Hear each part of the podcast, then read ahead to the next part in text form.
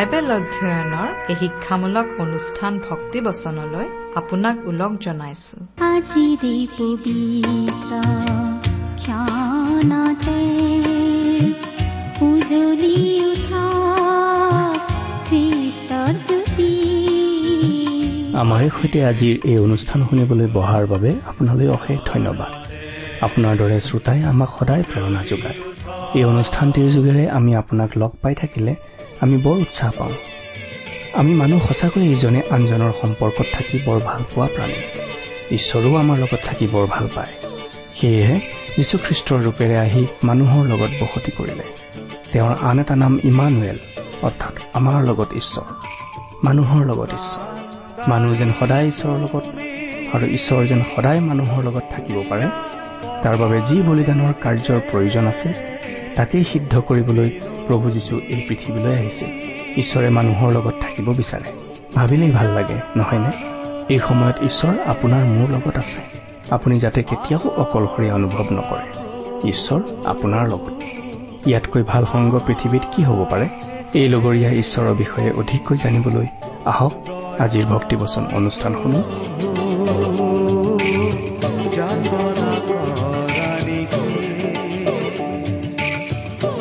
আমি মাথো বিপদ দেখা পাওঁ আমি মাথো বিপদ দেখা পাওঁ অতীত ভবিষ্যৎ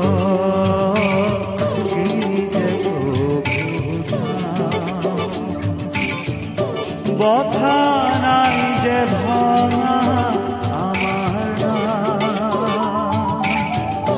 বথা নাই যে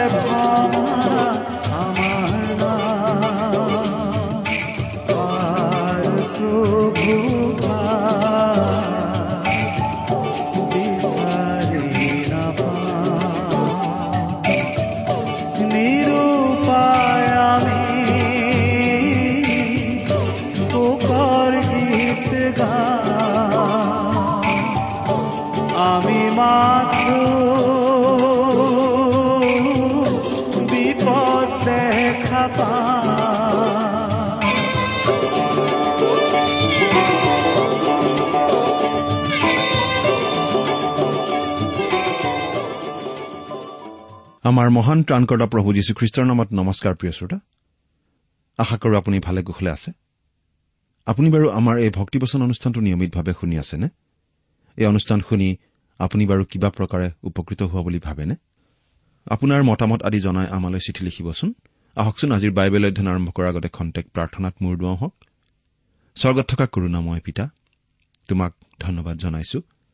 কিয়নো তোমাৰ মহান বাক্য বাইবেল শাস্ত্ৰ অধ্যয়ন কৰিবলৈ তুমি আমাক আকৌ এই সুযোগ দান কৰিছা।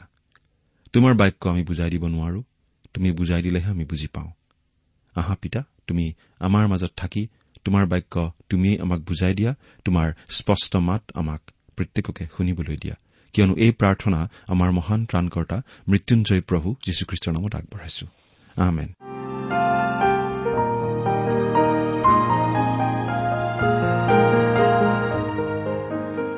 প্ৰিয় শ্ৰোতা আপুনি বাৰু আমাৰ আগৰ অনুষ্ঠানটো শুনিছিল নে আমি আগৰ অনুষ্ঠানত বাৰু কি আলোচনা কৰিছিলো? আপোনাৰ অলপ মনত আছেনে? আমি আজি কিছুদিনৰ পৰা বাইবেলৰ পুৰণি নিয়ম খণ্ডৰ উপদেশক নামৰ পুস্তকখন অধ্যয়ন কৰি আছো। নহয় জানো? এই উপদেশক পুস্তকখনৰ যি অধ্যয়ন কৰি আছো তাৰ যোগেদি আমি বহুত তত্বমূলক কথা দাৰ্শনিক কথা পঢ়িবলৈ পাইছো আৰু খুব সহজ সৰলভাৱে আমাৰ ব্যক্তিগত জীৱনৰ লগত খাপ খোৱাকৈ আমি কথাবোৰ আলোচনা কৰিবলৈ চেষ্টা কৰি আছো। যোৱা অনুষ্ঠানত আমি এই উপদেশক পুস্তকখনৰ আঠ নম্বৰ অধ্যায়ৰ শেষৰটো পদলৈকে পঢ়ি আমাৰ আলোচনা আগবঢ়াইছিলো। আজিৰ অনুষ্ঠানত আমি তাৰ পিছৰ কথাবোৰ চাবলৈ ওলাইছো। অৰ্থাৎ আমি এই উপদেশক পুস্তকখনৰ ন নম্বৰ অধ্যায়ৰ আলোচনা আৰম্ভ কৰিব খুজিছো। মানুহে বিভিন্ন উপায় অৱলম্বন কৰি বিভিন্ন মতাদৰ্শত বিশ্বাস কৰি বিভিন্ন ধৰণেৰে জীয়াই থাকি জীৱন কটায়। এই কথাটো আজিও খাটে অতীততো খাটিছিল। মানুহৰ মতো নিমিলে মানুহৰ মতাদৰ্শও নিমিলে মানুহৰ দৰ্শনো নিমিলে আৰু জীৱন ধাৰণৰ ধৰণো নিমিলে। বিভিন্নজনে বিভিন্ন ধৰণে নিজৰ নিজৰ জীৱনটো উপভোগ কৰিবলৈ বিচাৰে। মানুহৰ তেনেকুৱা বিভিন্ন জীৱন দৰ্শনৰ কথা আমি এই উপদেশক পুস্তকখন অধ্যয়ন কৰোতে আলোচনা কৰি আহিছো। এনেকুৱা কিছুমান মানুহ আছে। যিবিলাক মানুহে নিজক নৈতিকতাবাদী বুলি কয়। নৈতিকতাৰ কথা তেওঁলোকে কয়। ভাল কাম কৰিব লাগে বেয়া কাম কৰিব নালাগে বুলি তেওঁলোকে কয়। নীতি নিয়ম মানি চলিব লাগে আৰু যিটো কাম ভাল সেইটো কাম নিজেও কৰিব লাগে আনকো কৰিবলৈ ক'ব লাগে তেওঁলোকে কয়। আৰু তেওঁলোকে সেই কথা কেৱল কৈয়েই ক্ষান্ত নাথাকে। তেনেকুৱা নৈতিকতাবাদী মানুহবোৰে ভাল কাম কৰি জীৱন নিৰ্বাহ কৰিবলৈ চেষ্টাও কৰে। আৰু বহুতে অতি নিষ্ঠাপূৰ্ণভাৱে চেষ্টা কৰে। তাত আমাৰ সন্দেহ নাথাকে। তেনেকুৱা মানুহবোৰে যি কাম ভাল বুলি ভাবে সেই কাম কৰিবলৈ তেওঁলোকে চেষ্টা কৰে। আৰু তেনেকুৱা মানুহে নিজকে কামৰ মানুহ বুলি ভাবে। এনেকুৱা নৈতিকতাবাদী মানুহবিলাকে ভাবে আৰু কয় যে যদিহে আপুনি আপোনাৰ কৰিব লগা কাম ঠিকমতে কৰি যায় যদি আপুনি সৎভাৱে জীৱন যাপন কৰি থাকে তেনেহলে ঈশ্বৰে আপোনাক গ্ৰহণ কৰিবই কৰিব। এনেকুৱা কথা বিশ্বাস কৰা আৰু কোৱা মানুহ বহুতো আছে। আচলতে বেছিভাগ মানুহেই এই পৃথিৱীত থকা বেছিভাগ মানুহেই এনেদৰেই ভাবে। অতি বিলাসী ঘৰত থকা ধুনীয়া ধুনীয়া গাড়ীত উঠি ৰাস্তাৰে বিলাস যাত্ৰা কৰা মানুহৰ মাজতো এনেকুৱা মানুহ আছে? ফুটপাথত বহি কিবা কিবি বস্তু বিক্ৰী কৰি দিনটোৰ বাবে কিবা উপাৰ্জন কৰি আবেলি বেলি লহিওৱাৰ পাছত চহৰৰ উপকণ্ঠত থকা সৰু জুপুৰিত থাকিবলৈ যোৱা সাধাৰণ মানুহবোৰৰ মাজতো এনে মানুহ বহুত আছে। মুঠতে বাটে পথে আলিয়ে পদূলিয়ে এনেকুৱা চিন্তা কৰা মানুহ অনেক আমি লগ পাওঁ। এনেকুৱা চিন্তা কৰি জীৱন ধাৰণ কৰা মানুহবোৰে ভাবি থাকে যে তেওঁলোকে নিজৰ গুণৰ আধাৰত নিজে কৰা সেই সৎকৰ্মবোৰৰ আধাৰত স্বৰ্গলৈ যাব পাৰিব। তেনেকুৱা মানুহবিলাকে কয় মই পুণ্য অৰ্জন কৰিবলৈ চেষ্টা কৰি আছো। মই আচলতে আন আন মানুহবিলাকৰ তুলনাত যথেষ্ট ভাল মানুহ। মই কাৰো কেতিয়াও একো অন্যায় কৰা নাই। মই কেতিয়াও একো অন্যায়ভাৱে উপাৰ্জন কৰা নাই। কাকো ঠগোৱা নাই। কাকো কেতিয়াও কষ্ট দিয়া নাই। পাৰিলে মই আনক সহায় কৰি দিছো। আচলতে মানুহৰ দৃষ্টিত মই যথেষ্ট ভাল মানুহ। মই পৰিত্ৰাণ লাভ কৰিবলৈ মুক্তি লাভ কৰিবলৈ নিজেই চেষ্টা চলাই আছো। মোৰ এই সকলো সৎকৰ্মৰ আধাৰত ঈশ্বৰে নিশ্চয় মোক উদ্ধাৰ কৰিব। ঈশ্বৰে নিশ্চয় মোক স্বৰ্গত প্ৰৱেশ কৰিবলৈ দিব কাৰণ মই বৰ ভাল মানুহ। তেনেকুৱা লোকৰ জীৱনৰ দৰ্শন অতি কঠোৰ। তেনেকুৱা মানুহবোৰে কঠোৰ শ্ৰম কৰে। তেনেকুৱা লোকে প্ৰকৃত আনন্দ উপভোগ কৰাৰ সুযোগ সুবিধা নাপায়। অৱশ্যে সন্ধিয়া সময়ত যেতিয়া বন্ধু বান্ধৱৰ লগত অলপ পানীয় পান কৰে তেতিয়া আনন্দ উপভোগ কৰা বুলি বহুতে ভাবে। কিন্তু তেনেকুৱা লোকবিলাকে পিছত নিৰাশা হতাশাৰে ভৰা সিদ্ধান্তত উপনীত হয়গৈ। প্ৰিয় শ্ৰোতা আমি দেখিবলৈ পাইছো আৰু আপুনিও নিশ্চয় ইতিমধ্যেই লক্ষ্য কৰিছে যে এই উপদেশক পুস্তকখনত থকা বহুতো কথা যথেষ্ট বৈপ্লৱিক চিন্তাধাৰাৰ। সেইবোৰ আচলতে সূৰ্যৰ তলত বাস কৰা মানুহৰ জীৱনৰ দৰ্শনৰ বিভিন্ন ৰূপ। সেইবোৰ কিন্তু খ্ৰীষ্টীয় বিশ্বাসীৰ জীৱনৰ দৰ্শন নহয়। সেইবোৰ ঈশ্বৰৰ মতো নহয়। মানুহে এই পৃথিৱীত জীয়াই থাকোতে জীৱনত কি কি সিদ্ধান্তত উপনীত হয় কি কি কথা তেওঁলোকে ভাবে সেইবোৰ কথাহে ইয়াৰ মাজত আছে। এই পুস্তকখন অতি হতাশাৰে ভৰা দুখৰ ভাৱেৰে ভৰা পুস্তক। আৰু এই উপদেশক পুস্তকৰ ন নম্বৰ অধ্যায়টো নিঃসন্দেহে হতাশাৰ ভাৱেৰে ভৰা এটা অধ্যায়। বাইবেলৰ এই পুস্তকখন আচলতে এজাক ভেড়াৰ মাজত এটা কলা ৰঙৰ ভেড়াৰ নিচিনা। এই পুস্তকখনত আমি এনেকুৱা বহুতো শাস্ত্ৰাংশ পাওঁ যিবোৰ বাইবেলৰ মূল শিক্ষাৰ লগত একেবাৰে নিমিলা যেন লাগে। সেইবোৰে এনেকুৱা কিছুমান মত প্ৰকাশ কৰে যিবোৰ বাইবেলৰ প্ৰধান প্ৰধান শিক্ষাৰ বিপৰীত বুলি ক'ব পাৰি। আৰু সেইকাৰণেই বাইবেলৰ এই পুস্তকখন নাস্তিক লোকসকলে ঈশ্বৰ বিশ্বাস নকৰা লোকসকলে বৰ ভাল পায়। বহুতো বিখ্যাত বিখ্যাত নাস্তিক পণ্ডিত আৰু দাৰ্শনিকে এই পুস্তকখনৰ পৰা সঘনাই উদ্ধৃতি দিছিল। বহুতো হতাশাবাদী দাৰ্শনিকৰ নিচিনা দৰ্শনৰ কথা এই পুস্তকখনৰ পৰা উদ্ভৱ হয়। আধুনিক যুগৰ বহুতো কাল্ট বা ভুৱা মতবাদ ঘোষণা কৰা দলেও এই পুস্তকখনৰ পৰাই তেওঁলোকৰ মূল দৰ্শন বা চিন্তাধাৰা গ্ৰহণ কৰা বুলি ক'ব পাৰি। তেনেহলে আমাৰ মনত নিশ্চয় প্ৰশ্ন হ'ব যে এই পুস্তকখনে তেন্তে ঈশ্বৰৰ বাক্য বাইবেল শাস্ত্ৰত কেনেকৈ স্থান পালে? এই কথা বুজি পাবলৈ হলে লিখকজনে কি উদ্দেশ্যেৰে পুস্তকখন লিখিছিল সেই কথা আমি চাব লাগিব। সেই কথা বুজিব লাগিব। তেওঁনো আচলতে কি সিদ্ধান্তলৈ আহিব খুজিছে বা আহিছে সেইটো আমি চাব লাগিব। তেওঁনো কি কথা আমাক আচলতে জনাব খুজিছে? তেওঁৰ আচল বাৰ্তাটো কি? তেওঁ কিবা খ্ৰীষ্টীয় নীতি প্ৰকাশ কৰিব বিচাৰিছে নেকি? এই কথাবোৰ আমি চিন্তা কৰি চাব লাগে। আমি এই কথাটো মনত ৰখা উচিত যে ঈশ্বৰ নমনা বা ঈশ্বৰৰ কথা মনলৈ ননা মানুহবিলাকৰ জীৱন কেনেকুৱা সেই কথাহে ৰজা চলোমনে এই উপদেশক পুস্তকখনত প্ৰকাশ কৰিছে। ঈশ্বৰক বাদ দি বা ঈশ্বৰৰ কথা নভবাকৈ জীৱন উপভোগ কৰিব পাৰিনে নোৱাৰি সেইটো ৰজা চলোমনে নিজৰ জীৱনতেই পৰীক্ষা কৰি চাইছিল। তেওঁ নানান উপায় অৱলম্বন কৰিছিল। আমি কল্পনা কৰিব পৰা আনকি কল্পনা কৰিব নোৱাৰা বহু ধৰণৰ উপায় তেওঁ অৱলম্বন কৰি চাইছিল। ঈশ্বৰ অবিহনে মানুহে মানুহৰ পন্থাৰে অন্তৰত সুখ শান্তি লাভ কৰিব পাৰি নে নোৱাৰি সেই কথা তেওঁ পৰীক্ষা নিৰীক্ষা কৰি চাইছিল। আৰু তেওঁ কি বুজিছিল কি দেখিছিল কি সিদ্ধান্তলৈ আহিছিল সেই কথাবোৰ তেওঁ ইয়াত উল্লেখ কৰিছে। তেনেদৰে জীৱনত সুখী হ'ব পাৰি নে নোৱাৰি তেওঁ পৰীক্ষা কৰি চাইছিল। এই পুস্তকখনত তেওঁ কিছুমান সিদ্ধান্তলৈ আহিছে। আৰু সেই সিদ্ধান্তবোৰ সূৰ্যৰ তলত লোৱা সিদ্ধান্ত। অৰ্থাৎ সূৰ্যৰ তলত।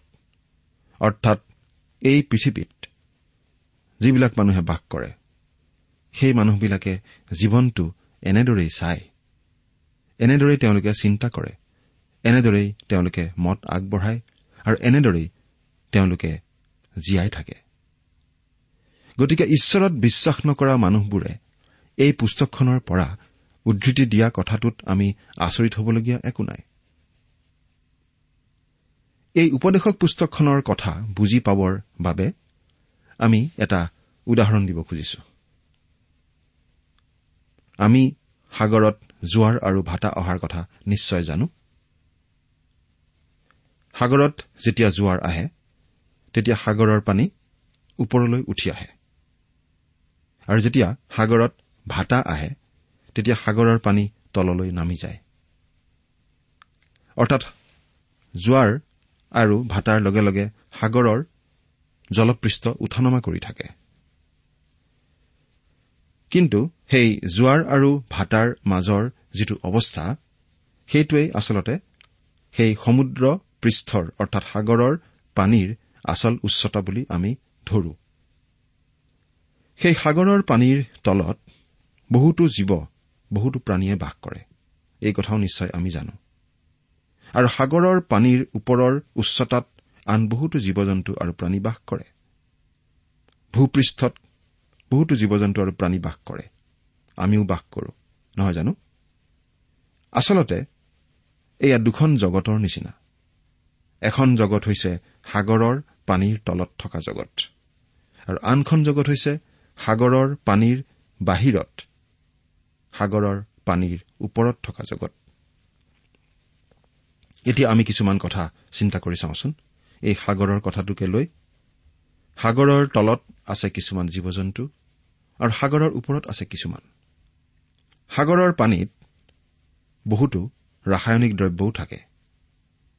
আৰু সেই দ্ৰব্যবোৰ পানীত দ্ৰৱীভূত হৈ থাকে। আনহাতে সাগৰৰ পানীৰ ওপৰত কিছুমান পদাৰ্থ থাকে। সেইবোৰ গেছীয় অৱস্থাতেই থাকে।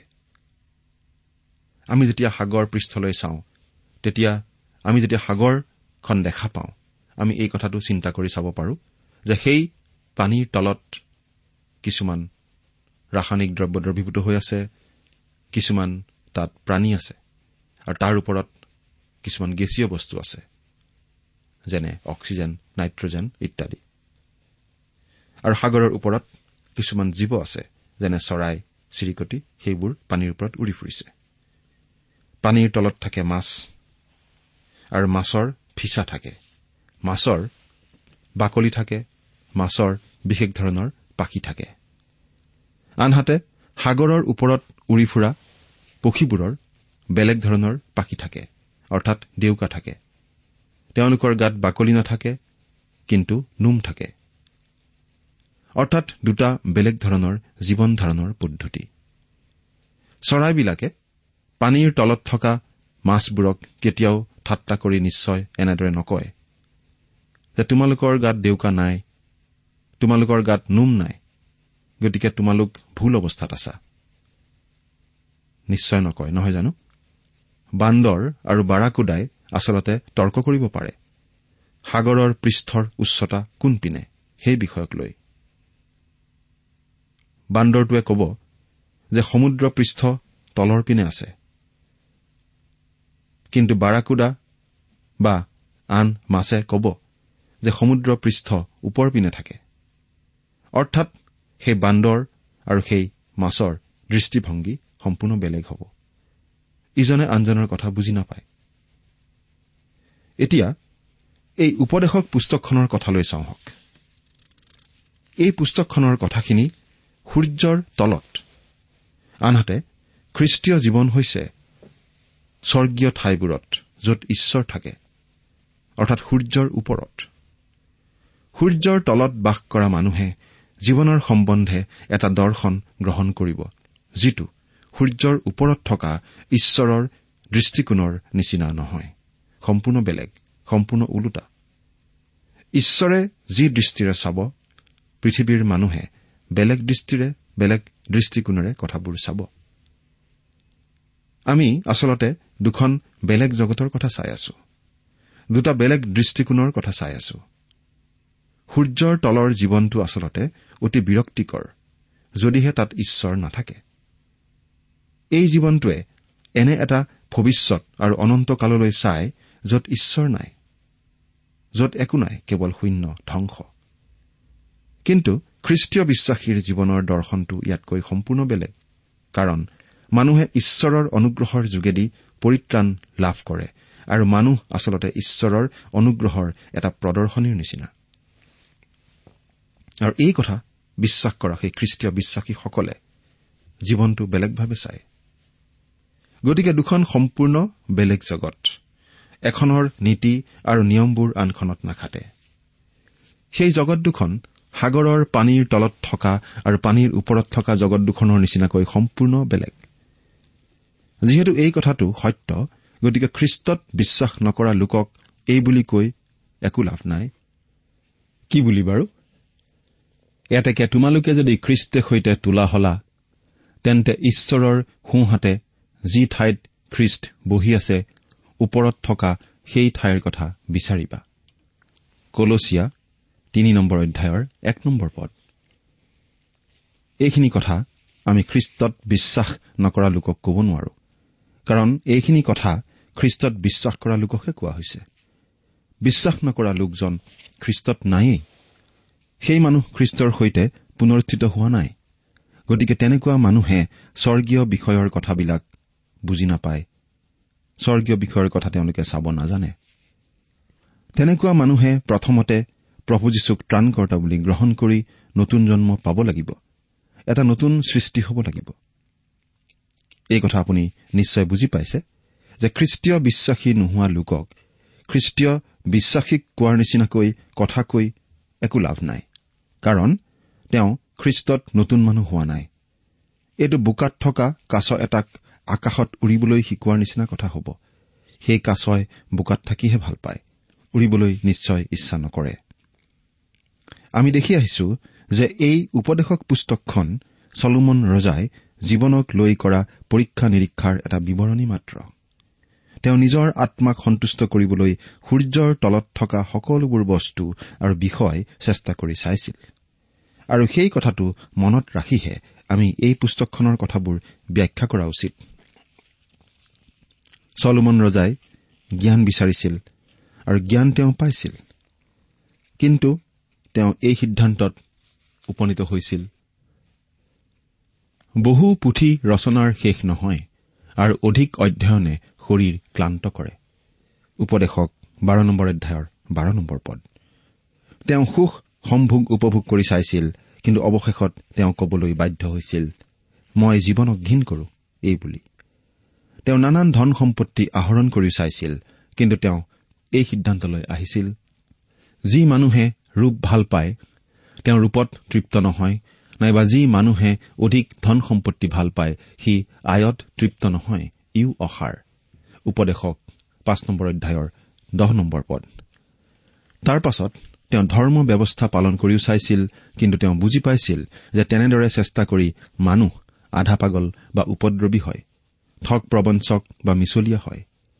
তেওঁ যশস্যা লাভ কৰিও চাইছিল তেওঁ নৈতিকতা পালন কৰিও চাইছিল কিন্তু সকলোবোৰ চেষ্টা কৰি তেওঁ একেটা সিদ্ধান্তলৈকে আহিছিল। অসাৰ অসাৰ সকলো অসাৰ। ঠেকাৰী নামৰ এজন খ্ৰীষ্টীয় লোকে ভেনিটি ফেয়াৰ নামৰ এখন বিখ্যাত উপন্যাস লিখিছিল। এই উপন্যাসখন বেকী নামৰ এজনী ছোৱালীৰ কাহিনী। ইয়াৰ কাহিনীখিনি এখন যুদ্ধৰ পটভূমিত লিখা। ইয়াত ঈশ্বৰক বাদ দি জীৱন কটোৱা কিছুমান চৰিত্ৰৰ ক্ষুদ্ৰতা নিচতা হীনমন্যতা আৰু পাপৰ কথা বৰ্ণনা কৰা হৈছে। এই উপন্যাসখনৰ সামৰণি তেওঁ এনেদৰে মাৰিছিল। নাটকৰ অন্ত পৰিল। পুতলাবোৰ বাকচত ভৰাই থোৱা হ'ল। সকলো অসাৰ। প্ৰিয় শ্ৰোতা আপুনিও আমাৰ দেশৰ মনোৰঞ্জনৰ ঘাটিস্বৰূপ ঠাইবিলাকক লৈ তেনে উপন্যাস লিখিব পাৰে। সেই ঠাইবোৰ হৈছে যশস্যা আৰু সা সম্পত্তিৰ ঠাই। কিন্তু সেই ঠাইবোৰত টোপনি যোৱা পিল আৰু মাদক দ্ৰব্যৰ সেৱন অতিপাত হয়। ঈশ্বৰ অবিহনে খ্ৰীষ্ট অবিহনে মানুহৰ জীৱন শূন্য। সেই কথাটো সেই ঠাইবোৰত বাৰে বাৰে প্ৰমাণ হয়। এগৰাকী বিখ্যাত ভক্তই এনেদৰে মন্তব্য কৰিছিল। হে প্ৰভু তুমি আমাক তোমাৰ কাৰণেই সৃষ্টি কৰিলা। তোমাৰ শান্তি লাভ নকৰা পৰ্যন্ত মানুহৰ হৃদয় সদায় অশান্ত। মানুহৰ অন্তৰখন এনেদৰে নিৰ্মাণ কৰা হৈছে যে ইয়াৰ ভিতৰত আপুনি গোটেই জগতখন ভৰাই দিব পাৰে তথাপি ই পূৰ্ণ নহয়। ঈশ্বৰেহে মানুহৰ অন্তৰখন পূৰ্ণ কৰিব পাৰে। প্ৰিয় শ্ৰোতা এইটো এটা চিৰন্তন সত্য। মানুহক ঈশ্বৰে সৃষ্টি কৰিছে। আৰু মানুহক ঈশ্বৰে আন সকলো প্ৰাণীতকৈ বেলেগ হিচাপে সৃষ্টি কৰিছে। আৰু মানুহক যেতিয়া ঈশ্বৰে সৃষ্টি কৰিছিল ঈশ্বৰৰ সৈতে মানুহৰ এক সম্বন্ধ আছিল। আৰু যেতিয়াই মানুহে পাপত পতিত হৈ ঈশ্বৰৰ পৰা বিচ্ছিন্ন হল তেতিয়াৰ পৰাই মানুহৰ অন্তৰ শূন্য হল। মানুহৰ অন্তৰে আচলতে ঈশ্বৰক বিচাৰি হাবাথুৰি খাই থাকে। ঈশ্বৰৰ সান্নিধ্য বিচাৰি হাবাথুৰি খাই থাকে। মানুহে বিভিন্ন উপায় অৱলম্বন কৰি অন্তৰৰ সেই শূন্যতা দূৰ কৰিবলৈ চেষ্টা চলায়।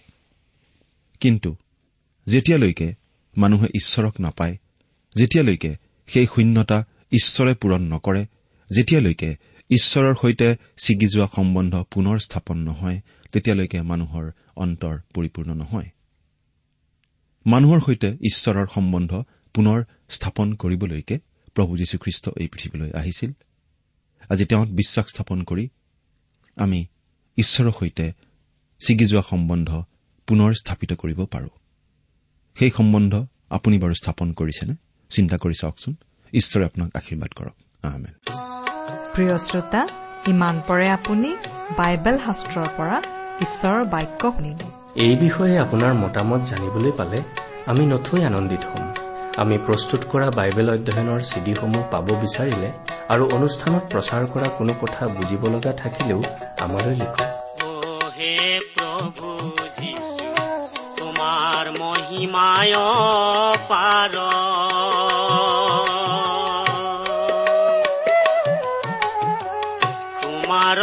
চৰণে নভজিলো শৰণ। মই মহাপাপী তোমাৰ চৰণে নভজিলো শৰণ। মই মহাপাপী আমাৰ যোগাযোগৰ ঠিকনা ভক্তিবচন ট্ৰান্সপল ৰেডিঅ' ইণ্ডিয়া ডাক বাকচ নম্বৰ সাত শূন্য গুৱাহাটী সাত আঠ এক শূন্য শূন্য এক। ঠিকনাটো আকৌ এবাৰ কৈছো ভক্তিবচন ট্ৰান্সৱৰ্ল্ড ৰেডিঅ' ইণ্ডিয়া ডাক বাকচ নম্বৰ সাত শূন্য গুৱাহাটী সাত আঠ এক শূন্য শূন্য এক। আমি জাতি পাপতে আছো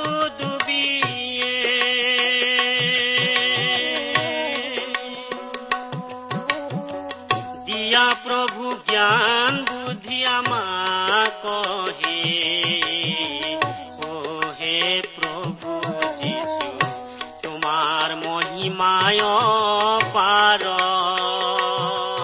আমাৰ ইমেইল এড্ৰেছটো হৈছে Assamese T T P at radio' eight eight two dot com আমাৰ website W W W dot T W R dot in আপুনি টেলিফোনৰ মাধ্যমেৰেও আমাক যোগাযোগ কৰিব পাৰে। আমাৰ টেলিফোন নম্বৰটো হৈছে nine eight five four zero' four zero' eight eight nine. Phone নম্বৰটো আকৌ এবাৰ কৈছো ন আঠ পাঁচ চাৰি শূন্য চাৰি শূন্য আঠ আঠ ন। আপুনি এই ভক্তিবচন অনুষ্ঠানটি আমাৰ website W W W dot radio' eight eight two dot কমতো শুনিব পাৰিব। আজিৰ অনুষ্ঠানটি ইমানতেই সামৰিছো। ঈশ্বৰৰ শান্তি আৰু অনুগ্ৰহ আপোনাৰ লগত থাকক। ধন্যবাদ। আৰ এইখন পৃথিৱী তোমাৰে সৃষ্টি। তুমিয়ে পালন কৰিছা।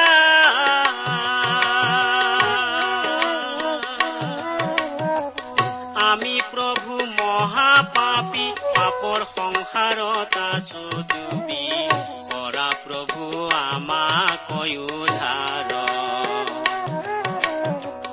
আমি প্ৰভু মহাপাপী পাপৰ সংসাৰত আছো ডুবি কৰা প্ৰভু আমাক উদ্ধাৰ